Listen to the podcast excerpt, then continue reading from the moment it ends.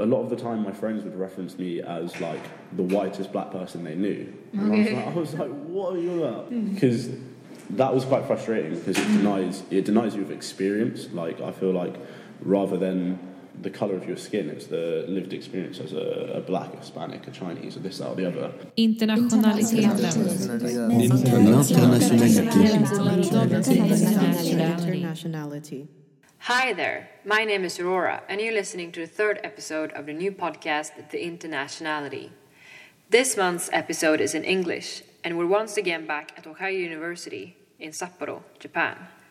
Only this time I'm talking to Andre, sociology student and DJ, hearing his experiences and perspectives on the subject. My name's Andre.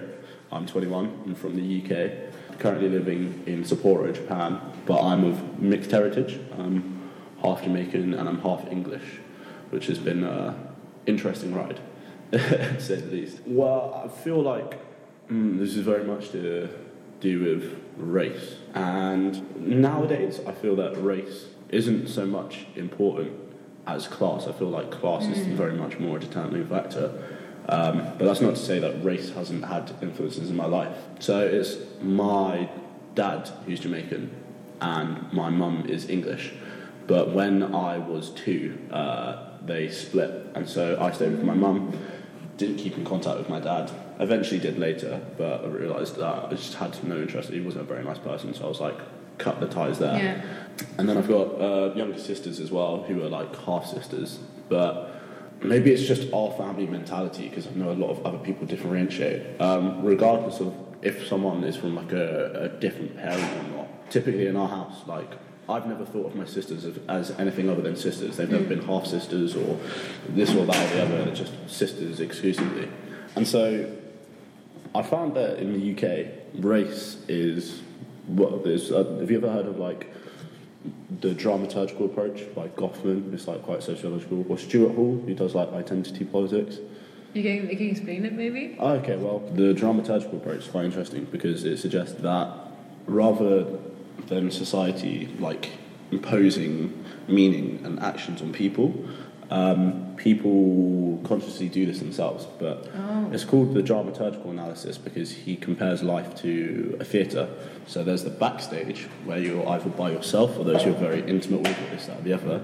And then you have a variety of front stages. Now, in the backstage, as I say, you can be yourself, you can relax, you don't have to live up to anything. But on the front stage, for instance, it, they can vary drastically. On the front stage, it can be in the classroom. So your role there, you, you are the actor as a Oh, good yeah. student, or maybe if you're, You're a in glass clown. yeah, exactly. Okay. And so, in these various situations, you can act up to be different things, including different peer groups as well. And I'll come back to that. But the next one is like uh, Stuart Hall, who talks about identity. I'm sure you can uh, like uh, identify this with yourself. Identity identity isn't something which is fixed. It's something which is fluid, and we can dip in and out. And it's not like a defining characteristic. It goes back and forth. And uh, because of that, as I say, in the UK, I feel like many times because of being half black and half white sometimes I haven't been, in the eyes of other people, black enough, and I've had to act, act more black, and other times had to act more white. For instance, so when I was maybe about eight or so, me and my family moved from London to a small town, a small village outside Cambridge called Burwell. Just ahead, never, never go to Burwell. There's nothing to do. It's Okay. so boring. It's a small village town where yeah, everyone knows everyone. Really small population. The nearest like supermarket, you have to drive like 30 minutes to get to. What? Yeah, my mum didn't have a car at the time, so we were just so isolated in the middle of all these cornfields and stuff. Oh yeah. Um, but yeah, I'd never thought about it twice before that because before that I lived in London and it was quite like a, a mixed place. Um, it was like renowned for being like really multicultural because you've got people from, from various different backgrounds. But then um, when we moved to Burwell, this small village, that was the first time that race kind of appeared to me. Like because I re- all of a sudden we were the only black family in the whole village, which Yeah. was so weird. We, we, we like, made jokes about it and stuff, but there was no one else like that. And because of that, the way that people saw or treated us was slightly different. Now, I'm not saying everyone there is racist or anything like No. that. Not all. I feel like some people have prejudices, which is fair because I could, I, I'll happily admit that I have them myself.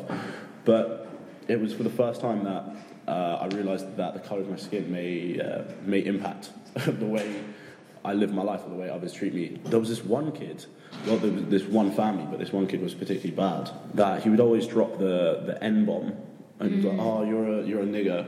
No, I'm just, just I'm going to say the word because I feel like the word nigger is contextual. If you're calling someone that, uh, then it's a bad use of the word. If you're reading it from a book or it's in a song, you can use it. It's fine, regardless of what your skin color is. So, I'm sorry if I offend any of you, but I'm going to use that. So they'd be like, "Oh, you're a nigger, this, that, and the other."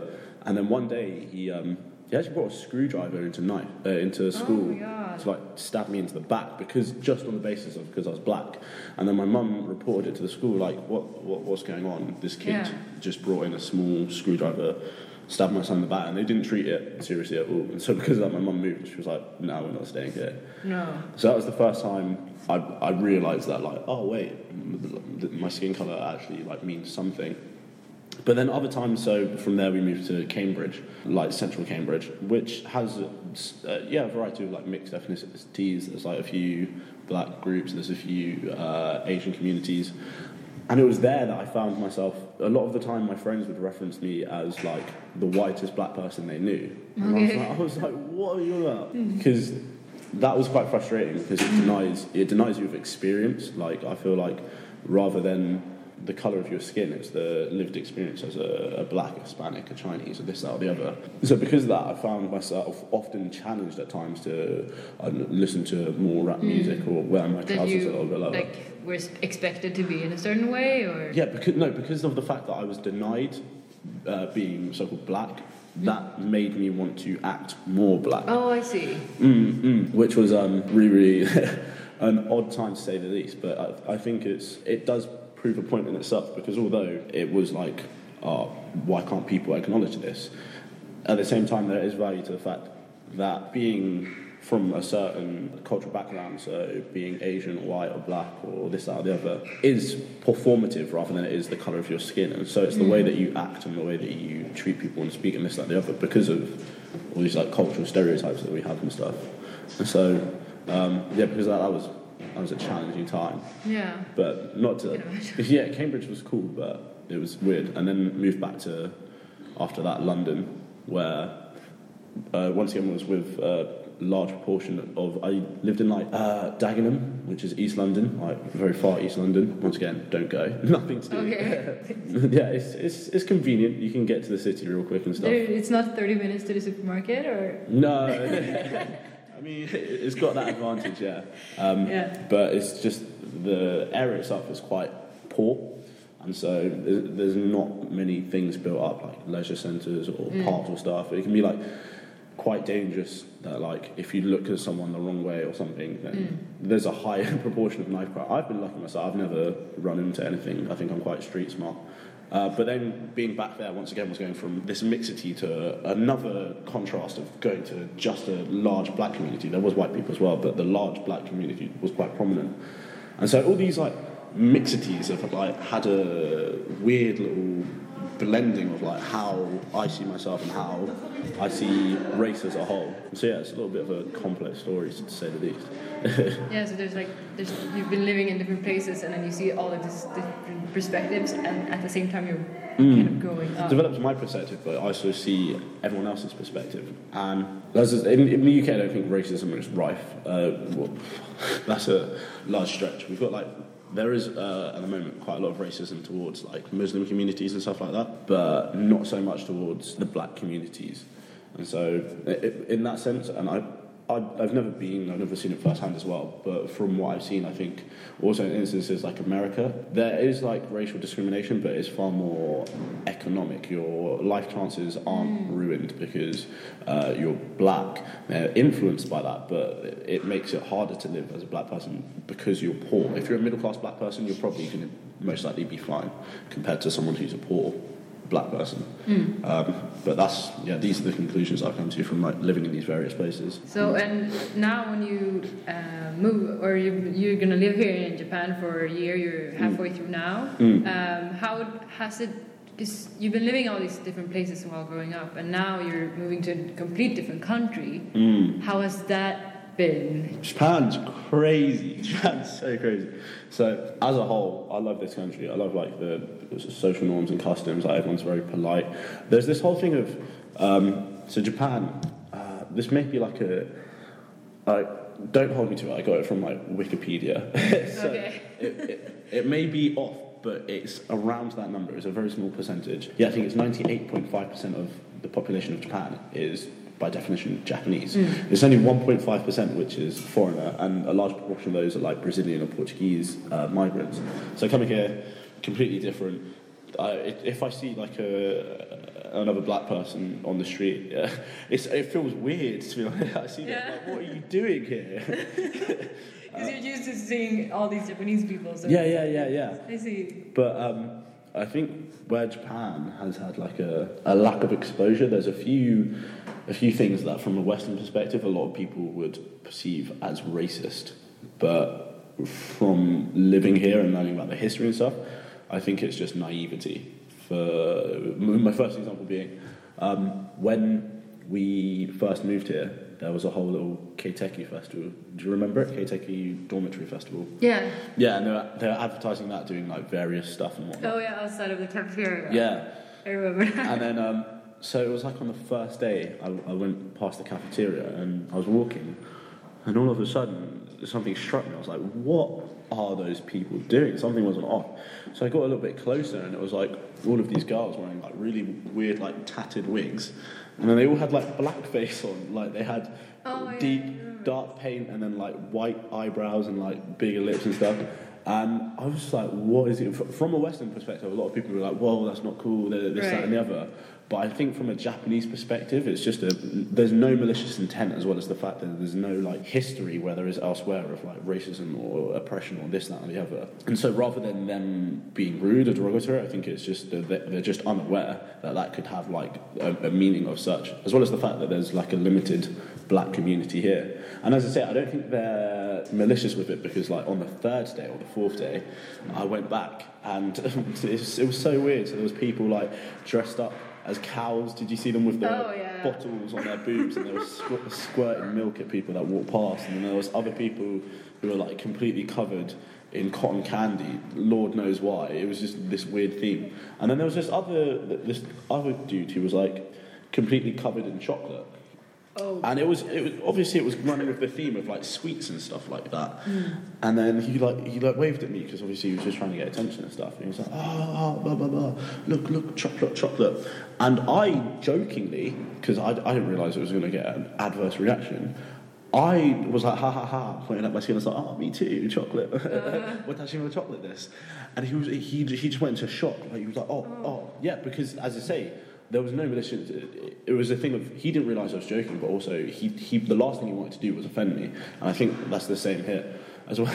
but the last example, which I find the funniest, is um, what I noticed is they'll have hip hop nights in Japan, but at the moment the, the m- most popular music is um, EDM and current American rap or trap or hip hop, whatever it's called. I don't really keep up with it, but that's what's It's a Um, genre or. yeah, yeah, yeah. Amongst the young kids, that that's what's most popular. But um, yeah, rather than being called like hip hop night or this, that, or the other, it will be quoted as like on the poster, "Oh, Friday, black music," because it's Interesting. Mm, Did it originate or? no, no. So all this, all, all this music is like made by various people, but, the, but I think the reason why it, they perceive it as black music is because, for the large proportion, it is a lot of black people from America producing it, and also I think it's once again it's rather than talking about who's making the music, because a lot of white people make it as well.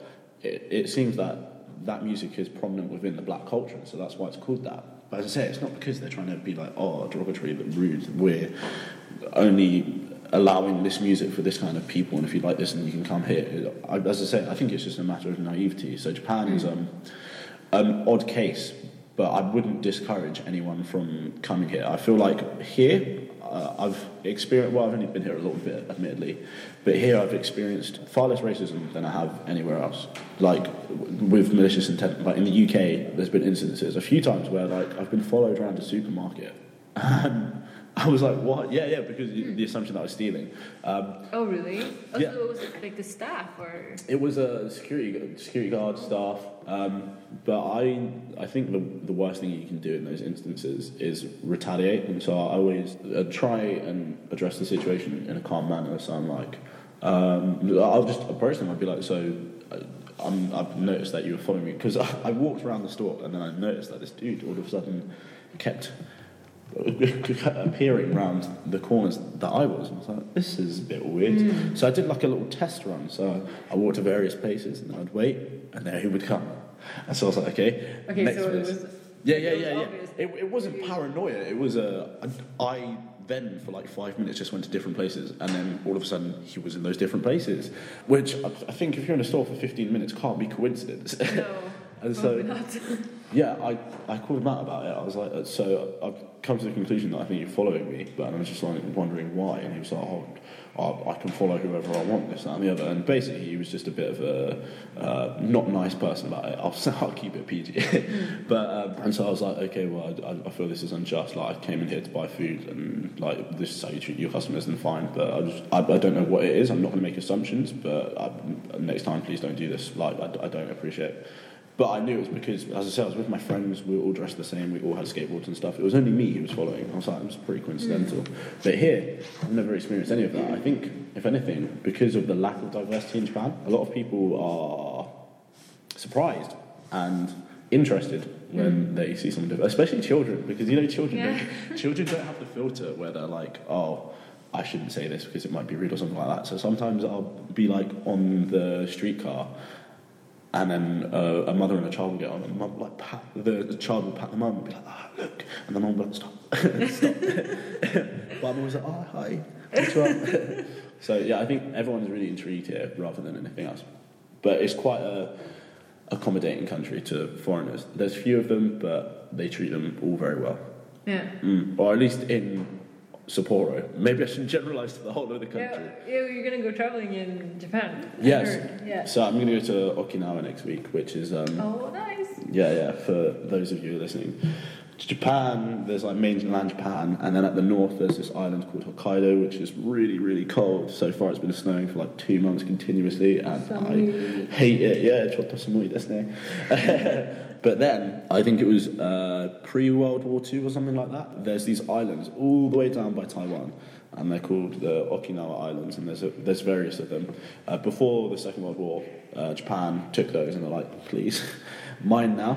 And now, uh, because of that, it's this completely different tropical climate. It's like the water's blue, the sand is white, it's always hot. So in, in Hokkaido at the moment, it's like about minus six degrees, or at least it was when I left the house. In Okinawa, it's like 20 degrees, which isn't that hot, but considering it's winter and it's 20 degrees, and Yeah. uh, 20 degrees compared to minus six, I'm only really happy. But yeah, I'm assuming being in Okinawa should be fine as well, because apparently they're Japanese, but they don't look Japanese because it was just a completely different culture for such a long time. Uh, You've been to Tokyo, right? Yeah. How did you find it there with all the like? Because there, there was so many. Apparently, that's where they're most densely concentrated. The, The- foreigners. Yeah, yeah. I mean, of course, there's like much more tourists. I think Mm. maybe if you're like living in Tokyo and you're Japanese, you're probably more like used to Mm. you know seeing foreign people or non-Japanese people. Mm. So I think in that sense, it's a bit more. Uh, they're more used to it. I think. Well, I, I I realized also after living here, and then suddenly it was the snow festival, Mm. and I know last year it was like 2.6 million people that came here Mm. uh, for the snow festival. Like even I, after living here for half a year, I noticed like, oh my god, there's a for- like there are foreigners here. Yeah, it feels weird, right? You're like, Yeah. what are you doing here? Yeah, but like in Tokyo, it's it's. Mm. I mean, so many tourists already, so it's Yeah. or it may- it might also might be you know students or people working here, living here. Like you Mm. wouldn't know, but there's Yeah. more foreign people in No. I noticed that during the snow festival as well, and it kind of um, frustrated me. Not to be like, oh, I'm, I'm privileged because I live here or Mm. anything like that. But for instance, when I was um, in a club called Booty on one night, I think it was like the first or second night of the snow festival, and so there was like a an influx of uh, foreigners. I went in, and it was just there was foreigners everywhere, which wasn't the issue itself, but it was the fact that I feel like because some of the people are like here momentarily, they don't really care about the customs or the norms, and they can be Mm. Quite rude. Like for instance, there's the whole cultural difference of like dancing with people in in Japan. It's like mm, not more conservative, but there's just not the same norms. It's like you, it's not as normal to like dance and grind on someone. I just saw these like forty year old guys from apparently Russia, because someone else told me, just like grabbing girls, and, and I was like, stop, please, because one, that's not okay anywhere, but two, it's mm. particularly not okay here, mm. and it like kind of tarnishes the image, which is a big concern for foreigners, because I did a subject on this this year. A large proportion of the people don't mind about foreigners. The only thing they care about is an increase in crime, because as you may know, Oh, yeah, Japan's yeah. got an incredibly low crime rate. So I think the influx of foreigners might be related to a uh, increase in crime rate, which I can see potentially happening. To be honest, because as I say, Japan's a very like mm, what's the word? Safe. No, not safe. It's a socially orientated society. There's a word for it, but I can't remember what it is. Yeah, but because of that people take more care as not to, not to. uh, yeah, if you notice, there's no litter anywhere or anything like that. Yeah, I know. For, I'm from the UK where all you see is like gum on the floor or rubbish flying Yeah, out, this, that, and the other. Here, there's nothing. I haven't seen one cigarette butt anywhere, and it's because everyone's got the whole society in mind. What was the biggest cultural difference you noticed when you came to Japan? Um, as a tourist or as a as I came because I came here in 2014 as a tourist and I was like I will come back As a, as a, as a living here. as living here. Mm. All this noise pollution right now. Something on wheels. Be really loud in a couple of seconds. This is a long build up. I feel like it's a dubstep drop about to Yeah. Should, should we wait? We can until wait. it passes? Otherwise, you're just gonna. I can think about it. Yeah. So we're sitting in inside of the university. Uh, Everyone's polite apart from that dude. Can't you tell we're doing a recording? oh my god. this very obvious little thing on the table. Could be a cell phone though. It is pretty cool. How much did it cost, if you don't mind me asking? Uh, it was six thousand. That's pretty good. Yeah, That's- and I was really worried because I was looking like on online, like how much does a quarter cost, Mm. and then I was like, oh, 12,000, 10,000. I was like, mm, that's a bit expensive. Was it on sale or did you just? No, I I bought it at. Uh, I tried to communicate with the person there, uh, and I said like, okay, I'm gonna go record like in a couple of hours. So I need uh, one that's like charged or like Mm. that has a battery that I can just put in batteries and you start using.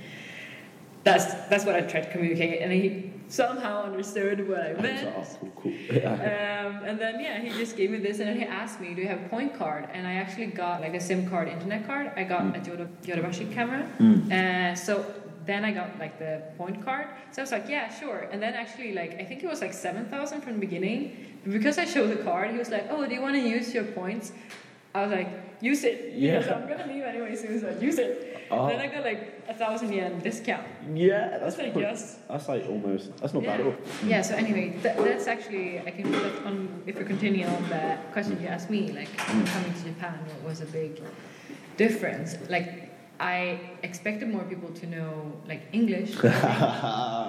Um, no, you're that Westerner. No, but I was, I was expecting, cause, or at least some other language, because, Yeah. like, sometimes I ask people, okay, but do you know this language or this language? But Mm. there's, like, a lot of people that, like, only know Japanese, or, like, a Mm. little bit of a different language. And I was really surprised because I met this one person that knew some Spanish as well as English and Japanese. Hey. I was like, oh, they're talk in Spanish. like, so we've been practicing a little bit uh, in Spanish Mm. as well.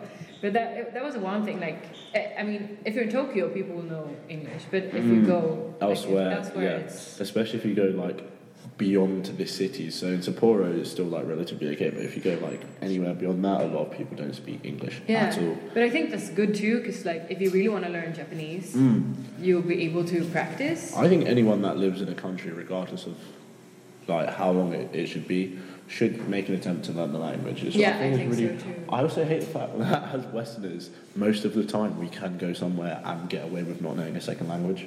Well, not so much you because you know English, which is Yeah. third language. Yeah. But um, yeah, for myself, so that's why I, I think it's really important to learn Japanese, and that's what I'm really trying to because hate the fact that like I, I have this privilege of like oh it's fine, I don't have to learn anything Mm. else. Also, you get to learn the culture a lot better if you I can think so speak the too. language. Mm. Yeah, because it's it's part of. I mean, the culture is part of the language, or Mm. goes both ways. Yeah, like have you noticed they've got a lot of I don't I, I can't exa- give examples of them, but they've got a lot of onomatopoeia for like different stuff. So like ton ton and don Oh, don, yeah. which is like knock knock dot um, a harder knock knock, and they u- they use these for like everything. Yeah. Like there's a onomatopoeia for the way that someone looks at you, like a judging look Yeah, and stuff like, like that. And Words for sounds. Mm, And they're- well, it's not even. They've got words for words for sounds which aren't sounds. Like how how is there a sound for someone looking at you? Yeah, it's like the feeling Mm, sound. but that's what I mean. It's like once you get to know those, you get a better grasp of the, the culture and the the, the culture and language come hand in hand, which is Yeah. why I'm driven. I need to learn Japanese. Yeah. Is it Japanese would be your second language, or do you learn any other languages? Uh, no. So I have never learned any other languages. I can understand patois, which is um, the way that Jamaicans speak. It's more of a more than a language. It's just English with a very very strong accent, but I can't imitate it hmm. because it's weird. As so I can understand that, but I can't speak it. And as I say, I don't I don't judge that as a second language because it just it's just English with, with a very strong accent. Hmm. So Japanese would be my second language. When I first entered sixth form, so in the UK, you have primary school until the age of 11, secondary school until the age of 16, and then sixth form is from 16 to 18, and that's the step you do before university. If you want to go to university, you go to sixth form, get Oh, your yeah. degrees there, and then. So when I started sixth form, I was like, so I was like, I want to go to Japan. That was my only plan. I was like, okay, how am I going to go to Japan? I was like, oh, I can do a year abroad at university. So that's the only reason I went to university, so I can go to Japan. Weird, right? Oh wow. Yeah, who would have thought? I don't actually want a degree, I just wanted to come here. and so I, I did well in school so that I could go to university. I honestly narrowed down my universities. I made a list of the subject I want to study, which is sociology. So I did the places that I was interested in. And then from there, I refined it, the ones that offered a year abroad, to mm. narrow it down. And then of those, I narrowed it down the ones that offered a year abroad to Japan. And then I was left with my Oh. choices, which worked out really convenient. Yeah. Um, because of that, when I started university as well, it was another ploy. Back home, I was never, once again, I was never that driven with language. I started university, and in the UK, you can pick, you have three subjects, and then you have a fourth which you can pick, which doesn't have to be related to your course whatsoever. So it can be anything. It can be, yeah, sport, medicine, this, that, and the other. or- or- And so because of that, for the two years that I, the first two years of university, I picked Japanese uh, language learning. So that, and then that was it, that was a ploy. I was never really that committed um, because I knew if I put that down when it came to applying for the year abroad, then I could be at the top of the list because they'd say, Right. "Oh, he's studying Japanese. We should probably send him there, otherwise we'd be douchebags." So I came here with like a foundation knowledge, but when I got here, it really wasn't enough because I hadn't applied myself. And as, as soon as I started speaking to people and I saw how interesting stuff is and how different it is, and I wanted to know how the social relations worked and whatnot, that's what drove me to study really hard when I got here. Mm. Initially, I wasn't going to take the Japanese language courses. I'm really glad I did because it was to fill out space. But now, every time I go to class, I try. I always do the homework immediately. I'm always the one who's chatting, putting my hand up, this and the other, because I really want to develop the language skills so that I can get that international perspective and Yeah. understand it a bit more. So, I feel like to anyone who's listening, if you feel like coming to Japan, plan it in advance and know a little bit of Japanese. yeah. At least, at least know to say, where is this? Or, can I have that, please? All you have to do is point and say, kore onegaishimasu. Please give me that. It's good also to know hiragana and maybe some kanji could be Oh, good. Kanji's a- new world. I haven't even started kanji Yeah, yeah, yet. it is. Are you gonna take the course? Yeah, I'm taking it next. The reason why I didn't take it in the first term is because um, when I got here, I was I was really motivated. I was like, I want to learn everything I can about Japanese culture, and so I picked all these really interesting subjects. But the workload was far too Yeah. intense. Whereas in the next term, the plan is pick the subjects with the easiest assessments, regardless of how much I hate them or not. Do the kanji classes, but also then with all that free time I'm going to have, just speak to people and Yeah. learn more about the culture. Go and do cool things rather than always have to read 100 pages a week for one class and I have seven classes. Um, Yeah, it's, it's really like eye opening because like I can read some like understand like the meaning kind of. I feel like I haven't learnt them, but I've become familiar with some of them Yeah. uh, just from seeing them. So like. In the context, you understand what they mean. yeah, so of? yeah. like for food, buy, big, small. Like, have you noticed on the toilets? If Oh, yeah. There's the different signs. That's for big flush and small flush. yeah, exactly. yeah. Um, and then you can use that elsewhere as well, as well as like books and stuff. Yeah, I'm excited to learn it because hiragana's okay. Katakana, I say katakana is more useful than hiragana. Yeah, I feel like I It- read hiragana more though.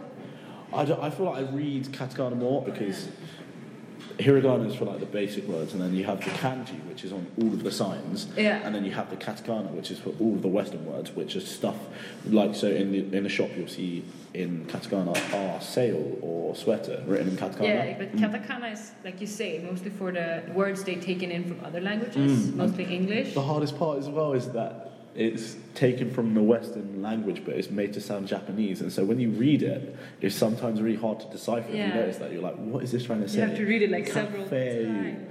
Cafe. Oh, cafe. So after talking a little bit now, what do you feel like the word internationality? Like what what what is it to you?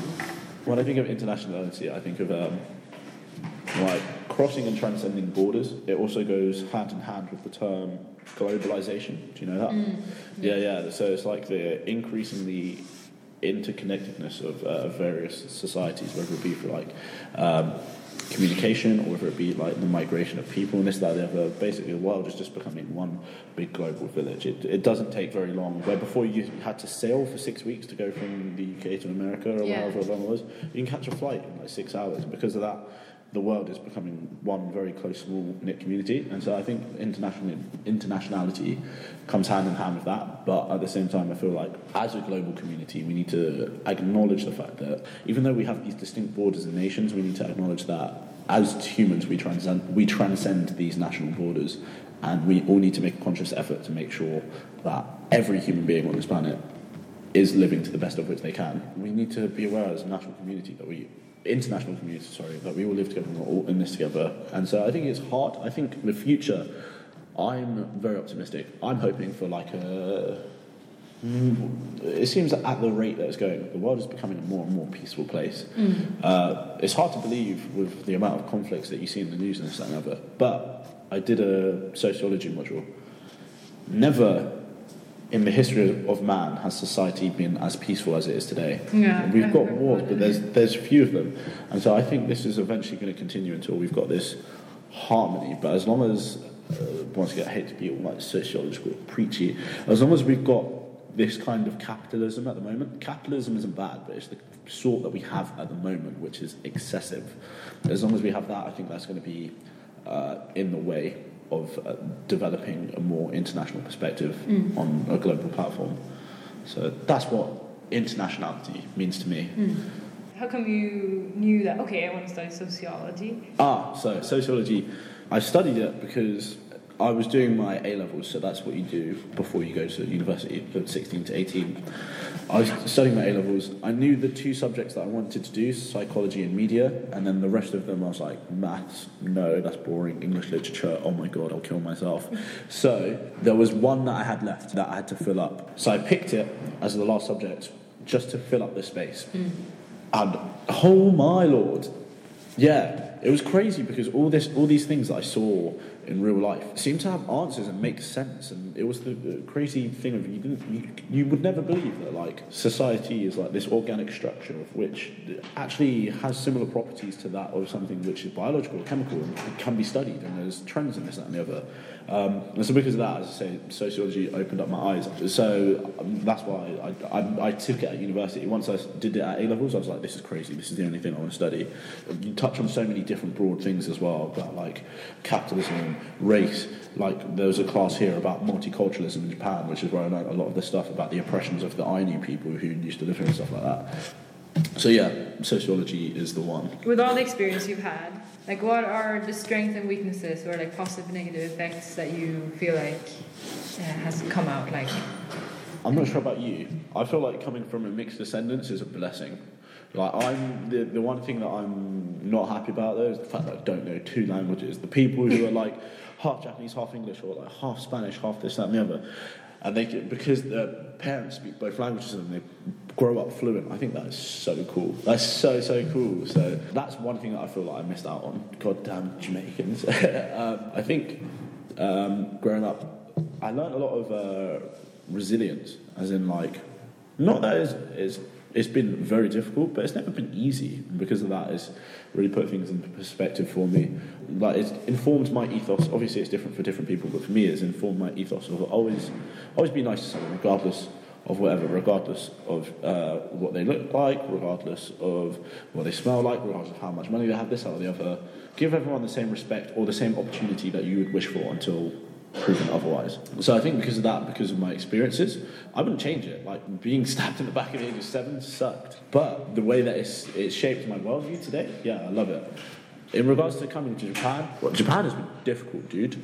And when, initially, when I moved here, I, I, I had a weird situation. So just before I came here, um, I was in like a long-term relationship. She broke up with me just before I got here, and then I moved here, and then I also lived in this accommodation which was really far from the university, really far from everyone else. And I only lived with two other people who I never saw. So I was like pretty much alone all the time, just thinking about this like breakup. It was like a weird mix of of things that all came together to cause the first few months to be not the, not the greatest, admittedly. But because of that, because I got through it, and because of the fact I think it's different for Japan as well, because no one really speaks English. So you are quite, if you don't know Japanese, you are quite like cut off from the community. You can't just actively engage and like ask people, oh, how's your day, this and the other.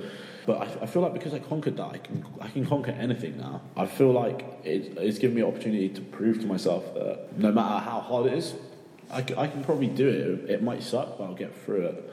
And so that's the positives. Negatives of this country or just in general, I don't know, it's hard. I don't think that, for me, I'm like in love with this country. Maybe I'm still in the honeymoon phase or something like that, but I'm in love with this country. I, I, there's so much about it that I think is good. What do I think is bad? The snow sucks, but that's not everywhere in Japan. Yeah, no, apart from that, I, I genuinely can't think of any negatives to this country, but don't take my word for it. I'm sure a lot of people are having a really bad time. I mean, yeah, different people have different, you know, experiences and perspectives from before, you know, so mm. it's, yeah. Is, is Sweden particularly, I know you guys are like killing it on the women's rights and stuff, but are you particularly multicultural? Um, I would say that there is quite a variety, uh, mm. especially if you're in like a bigger city. But then, of course, there's always the stereotype of blue eyes and blonde hair. Mm. And I've gotten that comment quite often, like, "Oh, I don't have blue eyes and blonde hair." Like, especially if I'm really far away from Sweden, like people be like, "Oh, I mm. expected you to have this and that." I was to say, you also when you speak, you don't have a Swedish accent, so it was quite. Well, you've got a very subtle one, and so when you were like, "Oh, I'm it's a Swedish," I was like, "What?" People. My head hurt. I was like, "You're what is going on here?" Yeah, but like it's culturally, I'm Swedish. Like, yeah, it's that's hard what I mean. for me to not say that I'm. I mean, yeah, what would I else? Rather than your heritage or the colour of your skin, it's your culture. It's what you've been raised with. Yeah, so, exactly. Yeah. And that's that's the way. Like even like when you live abroad, that's when you re- really realize that this is. Mm. I've grown up in Sweden, and I have you know perspectives and views on things that are Swedish. Like they become even more clear to me when I'm living somewhere else. Yeah, you, you take them for granted when you're back home, but when you yeah exactly when you put away from them, yeah. I think that there's like you realize both good and bad with like the culture you grew up in, mm. but then also when you're in another culture for a while longer and you adapt to it, you start to realize okay this is good and this is maybe not so good, and then you start to realize that different cultures have will always have different you know ups and downs um, mm. within its culture. So and there's yeah. always going to be something that can be better. So yeah, I think there's. I, I like I agree with you on like all the good points you've said about Japan. Mm. Uh, oh no, I feel like there's definitely progress to be made, especially in regards to like uh, women, uh, uh sexual attitudes as well. But on a on an everyday la- uh, on an everyday basis, uh, it seems to be fun. But obviously there there's a lot of also like the issue of suicide, which is uh, yeah. And people working really really hard. Far too long, yeah. Mm. But I feel like it's not my place to try and change that. No, no, no. yeah, I feel, I feel like also sometimes I feel a bit sad when I don't know. I, I have mixed emotions with like globalization because like where's the identity? Like, are we gonna have like an overall identity, like an Earth identity in mm. the end? I feel like identity is a very weird one because so I did a topic on race back home, and a big problem, a big thing was that everyone in the UK is backlashing on multiculturalism. They're saying multiculturalism is not working because it's diluting the, the British identity and this, that, and the other. When you look at like the roots of identity, it's very much national identity only developed the idea of nation and nationalism, and so I think the idea of national identity is a personally I feel is a little bit outdated. I feel like you can you have cultural traits and stuff like that and things which make you significant, but I don't think I don't think there should be anything that makes me particularly feel like I'm identifying as British or this, that, or the other. Like, also the, the, the UK is weird. We import everything, as in like hmm. we've got IKEA from the big up Sweden. Sweden, and then we steal curries from like India, as well as tea from China, and then beers from Germany. We do, are because we just colonized everything. We're the worst, but because our, our our society is pretty mixed in our traditions anyway. We like when people are like, "Oh, what's it English food?" I'm just like, oh, fish, Yeah, that's really fish hard and one. chips and like just potatoes. But apart from that, we don't have anything. Other cultures have their like distinct stuff, whereas like Japan, it's like lots of rice and fish and things like that. Whereas in the UK, not so much. But yeah, because of that, I feel like this whole idea of, I think if it happens naturally, it's fine. But from what I've seen, a lot of the time, identities are changed or, uh, or what some people like say diluted. I feel like they're fluid anyway, so they're going to Yeah. change regardless. Um, but in a lot of the instances of Japan, a lot of the time Japan is demand, demanded to meet the requirements of Western expectations, whether it be under the guise of the UN or human rights or this, that, or the other. The reality of the situation is that's just one ideological way of thinking. And we're trying to impose on the country because we think this is the best way that you should live. Now, I'm not saying that's wrong. I'm not saying it's right. uh, But I think that there's different elements to both. But I think the the bottom line of the story is, if identities so happen to change internally because of internal changes, however, it's fine. But in, in the instance of Japan, where it's being demanded to meet the requirements of Western society, and then because of that, it's changing. Uh, I think in that instance, that's when it becomes like somewhat problematic. I feel also that the Japanese, or it's really hard because like I've only been here for six months, so I don't, I can't really speak on it. But like it feels like the Japanese are, you know, adapting, and then some really, really like the the, the difference, and some would even, you know, move out because they feel like, oh, this type of or this way of thinking is better. Um, and I don't know. Sometimes I just feel sad about it for one like so, some reason, but then I realize that the identity of a place will always, like you said, be fluid. Like it will change over time. Like nothing is the same as it was 200 years ago. Can you imagine? So also, uh, I realized also that so many things that I was thinking, oh, this is so Swedish, Hmm. wasn't really because like if I talk to someone from like Norway or Finland, I would be like, oh, oh, you also have this, you know, like, oh, okay, and it made me hmm. realize that the closer you are, like the more you like influence each other, and then it spreads hmm. out. But with now when we are so globalized and we can like just pop like into that's the process has been like escalating really fast. Yeah, like it's really, really rapid. Yeah, I heard my Japanese teacher, so I can't remember what food it was, but even like 20 years ago, some Western foods were just like unheard of in Japan, and people would be like, what? And it's like Oh. increasing rate as well as um, foreigners as well. Just the sight of a foreigner like 20, 40 years ago would be like shocking because the, the internet didn't have them. So as you say, the rate of which we are all becoming interconnected is just getting faster and faster. And I think it's just going to continue. our generation has seen like a huge change, like from we were born to now. I Oh, mean, with do you remember internet and going cassettes from cassettes Oh, and now you can just download music. You don't even have to touch anything. It's just No. all on a phone. Yeah, I know. So I, I'm just imagining like in the future how fast things are gonna be like, and we need to keep up. I know memes only last a week now. like, I remember Crazy Frog was around for like a year. That's a- I look forward to the future. It's um, it's daunting because uh, before you could kind of see where it was going, whereas now we can go in any direction. Yeah. Anything it's can happen. Kind of frightening in one way. Mm, the lack of certainty. Yeah.